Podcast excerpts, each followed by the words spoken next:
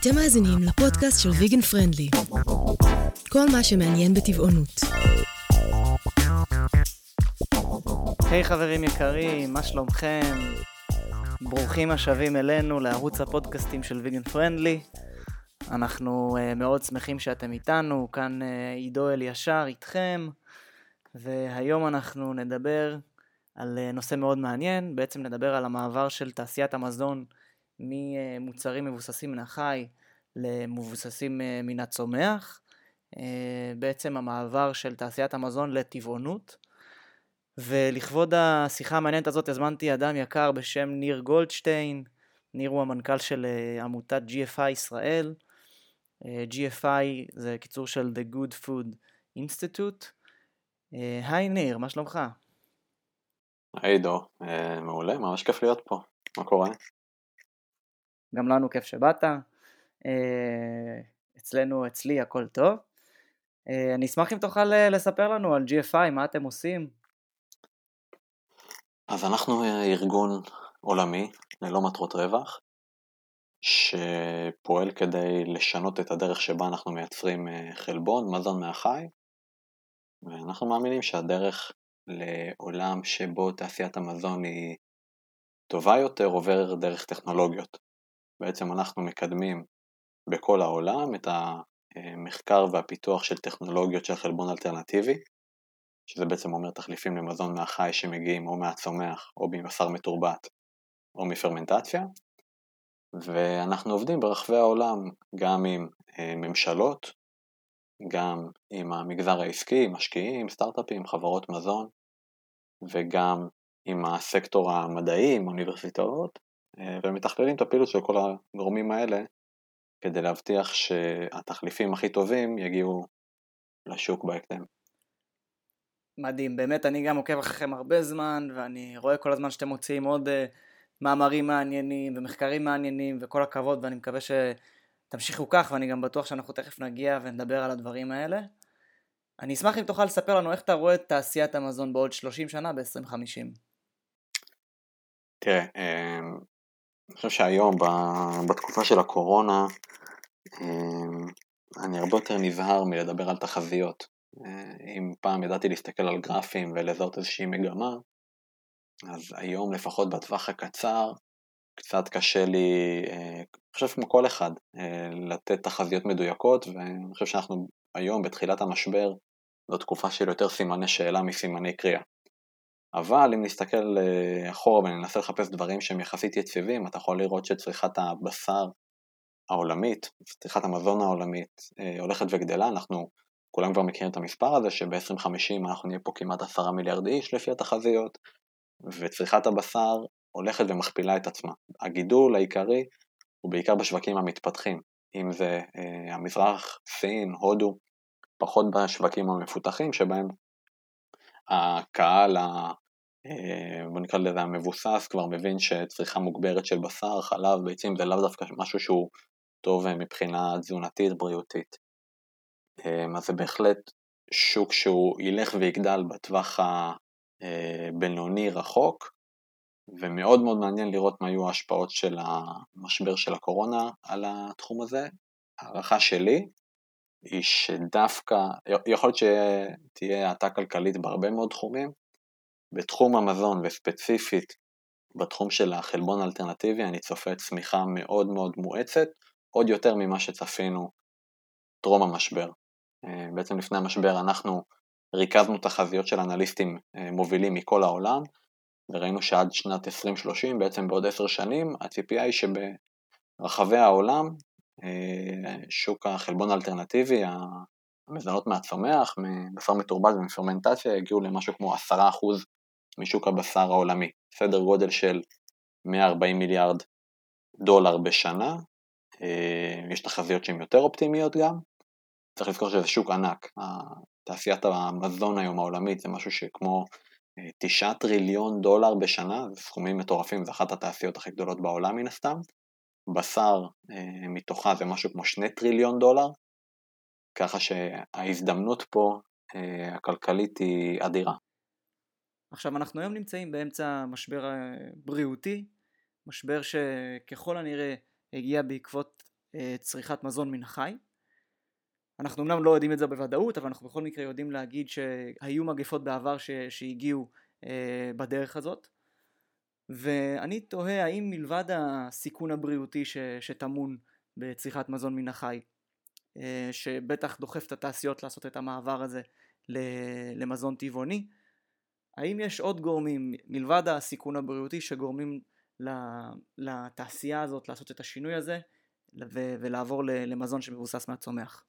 אמ, אני חושב שהתעשייה לא הולכת לכיוון של טבעונות, אלא לכיוון של פלקסיטריאן, שזה בעצם אנשים שצורכים פחות מנות מהחי לאורך השבוע.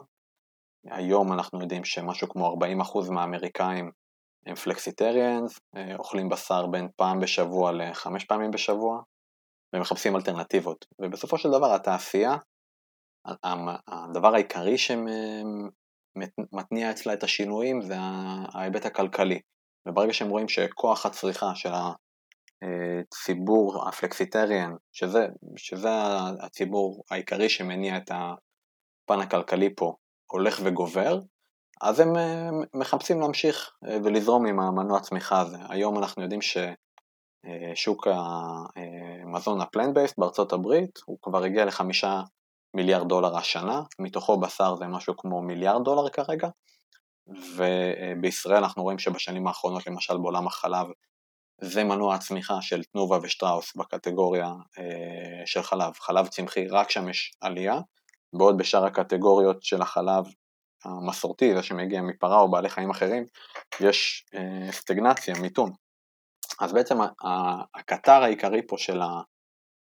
שמזיז את התעשייה זה ההיבט הכלכלי. יש גם היבטים של אחריות תאגידית ורגולציה, זאת אומרת הם מבינים יותר ויותר, אני נפגש עם אה, הנהלות בארץ והארגון שלנו עובד עם הנהלות של חברות המזון והחקלאות הכי גדולות בעולם ואתה רואה שההנהלות אה, כשאתה מדבר איתם, אז בסוף אנשים הם גם הורים וגם יש להם אה, אחריות שאני מרגיש שהם רואים שהיא הולכת וגוברת לנושא הסביבתי. אה, בהחלט פקטור לא רק במובן הצרכני, אלא גם במובן של הנהלות שמחפשות לעשות פה טוב, וגם בהיבט של בריאות הציבור, בנוסף למה שאמרת על הקורונה, אז יש את ההיבט של עמידות חיידקים לאנטיביוטיקה, שזה פשוט פשע ענק שאנחנו לא מדברים על זה מספיק היום. האו"ם קובע שזה הולך להיות אחד מגורמי המוות הכי גדולים בעשורים הקרובים, בשנת 2050 זה כבר יהיה גורם המוות מספר אחד בעולם. בישראל היום כל שנה מתים בין 4,000 ל-6,000 איש מחיידקים עמידים לאנטיביוטיקה. ומרבית האנטיביוטיקה, רובה ככולה בעולם, יותר מ-70%, הולכת למשק המזון מהחי. זאת אומרת שאנחנו במו ידינו בגלל התאווה שלנו למזון מהחי, מייצרים חיידקים עמידים לאנטיביוטיקה שהורגים את בעלי החיים והורגים אותנו, וזה אה, פקטור שאני חושב שהולך להיות חזק יותר ויותר בימים שאחרי הקורונה, כשממשלות, רגולטורים יתחילו לקחת אחריות על בריאות הציבור, יתחקרו איך הגענו למצב שיש פה את הקורונה, זאת אומרת לא רק בקצה איך אנחנו מייצרים יותר מכונות הנשמה וחיסון ובעצם סוגרים את הבעיה בקצה אה, הסופי שלה, בואו נתחקר את זה אחורה, ילכו אחורה ויבינו אוקיי למה בכלל יש וירוסים כאלה, איך הם קופצים מבעלי חיים לבני אדם, האם יש עוד בעיות בריאותיות שמגיעות אה, מתעשיות אחרות או גם מתעשיית בעלי אה, החיים ויכולות להשפיע ככה באופן נוראי על, אה, על בריאות הציבור ואני מאמין שזה יהיה פקטור חזק מאוד בעשור הקרוב. אני חושב שחוץ מבריאות הציבור צריך גם לציין את את בריאות אה, העולם שלנו, כדור הארץ שלנו, כל הנושא האקולוגי, אנחנו יודעים שתעשיית המזון היא אחת התעשיות הכי מזהמות, אם, אם לא הכי מזהמת, אה, תקן אותי אם אני טועה. אחת הכי מזהמות, אה, משהו כמו בין 14.5 אחוז, לפי היותר שמרנים, ליותר מזה, מגזי החממה שנפלטים בעולם, מקורם בתעשיית המזון מהחי, זה אומר שיש יותר גזי חממה שנפלטים מהתעשייה הזאת מאשר כל סקטור התחבורה העולמי. יותר מהרכבות, שזה, שזה מטורף. כן. זה מטורף, אז הנה עוד, uh, עוד סיבה. סיבות לא חסר. נכון, לגמרי. עכשיו יש לי שאלה נוספת, מה בעצם יהיה הפתרון לדבר הזה? איך אנחנו הולכים להכיל פה עשרה מיליארד איש ב-2050 איך אנחנו הולכים לספק אה, חלבון מזין לכל האוכלוסייה בכדור הארץ. תראה, אני חושב שלהמשיך בוקטור שאנחנו הולכים בו עכשיו זה בלתי אפשרי. כבר עכשיו אנחנו רואים את ההשלכות, אנחנו רואים שאנחנו משתמשים ב-70% מהשטחים החקלאיים, כבר עכשיו לתעשיית המזון מהחי, יוצרים אינספור בעיות אה, בריאותיות, אנחנו לא מצליחים להכיל מספיק את העולם העני, יש פה בעיות של אה, צדק חלוקתי גם, ואפשר ללכת כהנה וכהנה, בסופו של דבר צריך שינוי.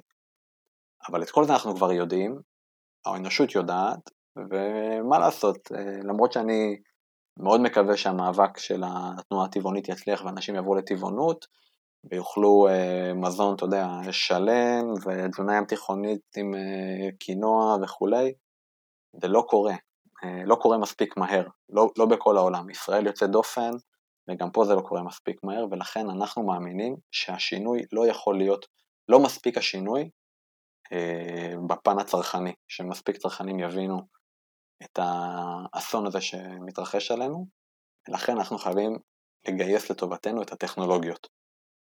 ואם אנחנו נצליח לייצר מזון טעים, במחיר טוב, נגיש, שהצרכן רוצה, אבל שהוא לא מגיע מהחי אלא מהטכנולוגיות שאנחנו עובדים עליהן, אז אנחנו אה, מתחילים לנצח. אז בעצם אנחנו הולכים לגישה שנקראת ביו ממקרה. לייצר מזון שהוא כמה שיותר קרוב, או יכול להיות אפילו זהה, או אפילו טוב יותר ממה שאנחנו מקבלים מבעלי חיים, אבל בלי בעלי חיים, או לפחות בלי אה, לגדל אותם אה, לאורך כל הדרך. ואז אתה יכול או לקחת מזון מהצומח, שכבר יש לנו בארץ באופן מסורתי, טבעול וחלבים וכולי, אבל לקחת אותם עוד כמה צעדים קדימה, תחשוב על ה-Impossible Burger, תחשוב על Beyond, ועל מוצרים שהם, על Just, ועל מוצרים שהם אפילו יותר טובים מזה, זאת אומרת שבקצה צרכן או לא יוכל אה, להבדיל ביניהם לבין מזון מהחי, או יעדיף אותם על מזון מהחי כי הם יהיו יותר טעימים, או יעלו פחות, או, אה, או פקטורים אחרים. אותו דבר אתה יכול לעשות עם אה, בשר מתורבת, אתה לוקח תאים מבעל חיים, בלי לפגוע בו בצורה משמעותית, מגדל אותם במפעל מזון, בתנאים שמדמים את גוף בעל החיים, אז למשל אתה לוקח כמה תאים מפרה, שומן, חלבון, שם אותם בתוך משהו שנקרא ביו-ריאקטור, ובעצם נותן לתאים האלה את כל חומרי ההזנה אה, שהם צריכים לקבל כדי להתפתח אה, אה, ולהתרבות. אחרי זה אתה יכול לייצר מהם איזושהי רקמה שמזכירה בשר, או שבעצם אתה יכול לעשות איתם בעצם מה שאתה רוצה, אתה יכול לייצר היום מוצרים חדשים שלא קיימים היום בטבע. תחשוב אה, סתם לדוגמה, היום אנחנו אוכלים אה, שניצל מפרה, לא אנחנו, אבל אנשים אחרים אוכלים אה, שניצל מעוף, ויש שם תאי שומן ותאי שריר שמקורם באיזושהי תרנגולת שהגיע מאיפשהו. לחלופין, אתה יכול לעשות, ברגע שאתה בונה את המוצרים האלה מאפס, אתה יכול לשחק איתם ולעשות דברים שלא קיימים היום. אז למשל אני יכול לעשות שניצל שתאי השריר הם מגיעים במקור מאיזשהו ברווז, שיכול להיות שזה יותר טעים. בתאי השומן אני מביא מיקס של אה, פרה ואומגה 3 ומשהו מאיזשהו אה, דג סלמון ופתאום יש לי שניצל שהוא הרבה הרבה יותר טעים וזול וסביבתי מכל מה שקיים לך היום בשוק אה, ואני די בטוח שלשם אנחנו הולכים אם אנחנו מסתכלים על מה שאימפוסיבל ברגר עושים שאין עדיין בארץ אבל יש בארצות הברית אז הם למשל עשו מחקר ואני חושב שהוא בסטנפורד שמצא שאחד הגורמים הכי חזקים לטעם של אה, בשר זאת איזשהו, איזושהי מולקולה שנקראת לגמוגלובין או בקיצור הים אה, והיא נמצאת בריכוז גבוה בבשר והיא נמצאת בריכוז נמוך בצמחים. אז הם אמרו אוקיי בואו נייצר את המולקולה הזאת בצמחים בריכוז גבוה אה, ומוצאים את זה באמצעי שנקרא פרמנטציה שבעצם לימדו שמרים איך לייצר את החומר הזה, נכניס אותו לבשר אה, מהצומח שאנחנו מייצרים, והפלא ופלא המוצר שלהם, אה, של אימפוסיבל, הוא חווה הצלחה מסחררת, הוא נמצא היום בכל סניף של ברגר קינג בעולם, אה, עכשיו, תוך כדי משבר הקורונה, הם גייסו עוד חצי מיליארד דולר כדי להגדיל את יכולות הייצור שלהם, עכשיו עובדים גם על מוצרים שהם מדמים בשר חזיר, אז אין ספק שהגישה של ביומימיקרי אה, והגישה הטכנולוגית היא בסופו של דבר מה שיאפשר לנו לעשות את המהפכה הזאת בעולם. מדהים. ואפשר עוד אפילו לקחת את זה למקומות יותר אה, איזוטריים, כמו לעשות אה, שניצל בטעם שרימפס, או לעשות סטייק בטעם של כבד אווז, לצורך העניין. כאילו אנחנו יכולים לשחק גם עם הטעמים, יכולים לשחק עם, ליצור ממש מוצרים ש, שלא קיימים היום, נכון? כל, כל העולם של המזון חווה את מהפכת הפודטק אה, בקצב נורא נורא מהיר ומסחרר, זה יגיע אלינו הרבה יותר מהר ממה שאנחנו חושבים. אה, כל הדרך שבה אנחנו צורכים את, ה, את המזון שלנו תשתנה בהרבה מאוד אספקטים, אבל באספקט הזה של חלבון, אז למשל יש בארץ שתי חברות מעולות שמתעסקות בהדפסה תלת-ממדית של אה, בשר, ותחשוב איך זה עושה לך אפשרות למזון מותאם אישית. למשל חברת SavorEat, אה, שמקורה באוניברסיטה העברית, בפקולטה ברחובות, הם יודעים לא רק לייצר לך מזון, אה, אתה יודע, המבורגר אה, בהדפסה תלת-ממדית, הם יודעים גם תוך כדי ההדפסה שלו לצלות אותו או לטגן אותו או לאפות אותו מבפנים. זאת אומרת שיכול להיות שההמבורגר שלך במקום שהוא יהיה מטוגן מבחוץ יהיה מטוגן מבפנים, אני אפילו לא יודע לדמיין איך זה, מה הטעם של זה, אבל כאילו המשחקים פה הם אינסופיים, אתה יכול אה, לעשות באמת הרבה מאוד אה, דברים מעניינים. ו- ואיך עושים את זה בחלב וביצים? עד עכשיו דיברנו רק על, על בשר ו- ודומיו. כן, גם דגים ושרימפס, יש פה המון המון אפשרויות והחדשנות היא, היא בכל הקטגוריות, בחלב, אז זו קטגוריה שמסורתית היא די הראתה לנו את הדרך, אנחנו היום בשוק האמריקאי בסדר גודל של 14% משוק החלב האמריקאי הוא חלב מהצומח, אה, וזה בזכות המעבר של התחליפים מה... בוא נקרא לזה הסקטור ה-plant based, האורגני שם בצד של החנות שרק אה, לקוחות אה, מסוימים מגיעים אליו, אל מרכז הבמה, אל המקרר אה, הראשי, ממש באותו תצורה, באותו קרטון, באותם צבעים, במקרר של החלב מבעלי חיים. אבל יש לנו היום עוד המון המון חדשנות שנכנסת בחלב ומוצריו, למשל, אה, יכול להיות שאנחנו נצליח לעשות חלב בפרמנטציה, זאת אומרת, תסתכל על חברת פרפקט דיי אמריקאית, הם לקחו שמרים ולימדו אותם אה, בעריכה גנטית לייצר חלבונים ושומנים של חלב פרה. זאת אומרת שיכול להיות לך חלב שהוא לא הגיע מפרה, והוא לא תחליף, זה לא חלב סויה, זה חלב פרה, אבל הוא לא הגיע מעטין של פרה, אלא יוצר באמצעות שמרים, אה, באופן אה, סטרילי, הרבה יותר בריא. אנחנו אה, רואים עוד כל מיני שיטות שמתפתחות לעשות את הדברים האלה, למשל שיטה של שכפול של תאים שמייצרים חלב, למשל תיקח את התאים שיש בעטין של הפרה שיודעים לייצר חלב, תשכפל אותם ואז ת, ת, ת, תזין אותם בחומרי גלם שיאפשרו להם לייצר פר, חלב פרה מחוץ בעצם בלי, בלי שום פרה בתהליך. זה דברים שנשמעים, אני בטוח לחלק מהאנשים אה, מאוד מאוד מוזרים, אבל אה, צריך לזכור שתעשיית המזון חווה המון המון שינויים כל הזמן, ובסופו של דבר אנחנו מתרגלים אליהם, והרבה מהשינויים האלה הם לטובה. בביצים יש כמה חברות מאוד מעניינות בעולם, ג'אסט אה, האמריקאית, שמייצרת לנו תחליף לביצה מקושקשת, אה, שמקורה בחלבון של אה, אפונת מש, שועית מש, סליחה, מנגמין באנגלית, וזה הולך להם מצוין. בישראל יש לנו את חברת זירו-אג שמייצרת אבקה שמחליפה ביצים ויודעת לייצר לנו שלל מוצרים מאוד מאוד מעניינים גם למגזר התעשייתי. קלרה פודס האמריקאית מייצרת גם כן תחליף ביצה באמצעים מאוד מיוחדים.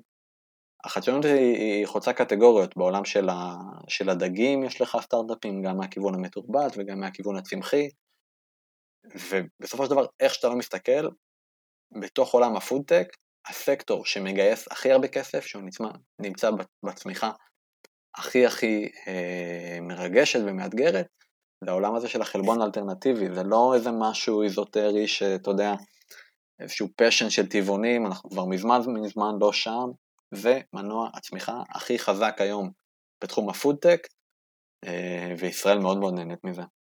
אז זה היה החלק הראשון של השיחה שלי עם ניר. אני אשמח ואני מזמין אתכם להצטרף אלינו גם לחלק השני של השיחה. בפרק הבא אנחנו נדבר על איך ולמה ישראל הפכה להיות מובילה עולמית בתחום הפודטק, וכמובן, ולא פחות חשוב מזה, מה התפקיד של הקהילה הטבעונית בכל המהפכה הזאת. נתראה בפרק הבא. רוצים לשמוע עוד? צרו איתנו קשר באתר האינטרנט שלנו המופיע בהערות למטה.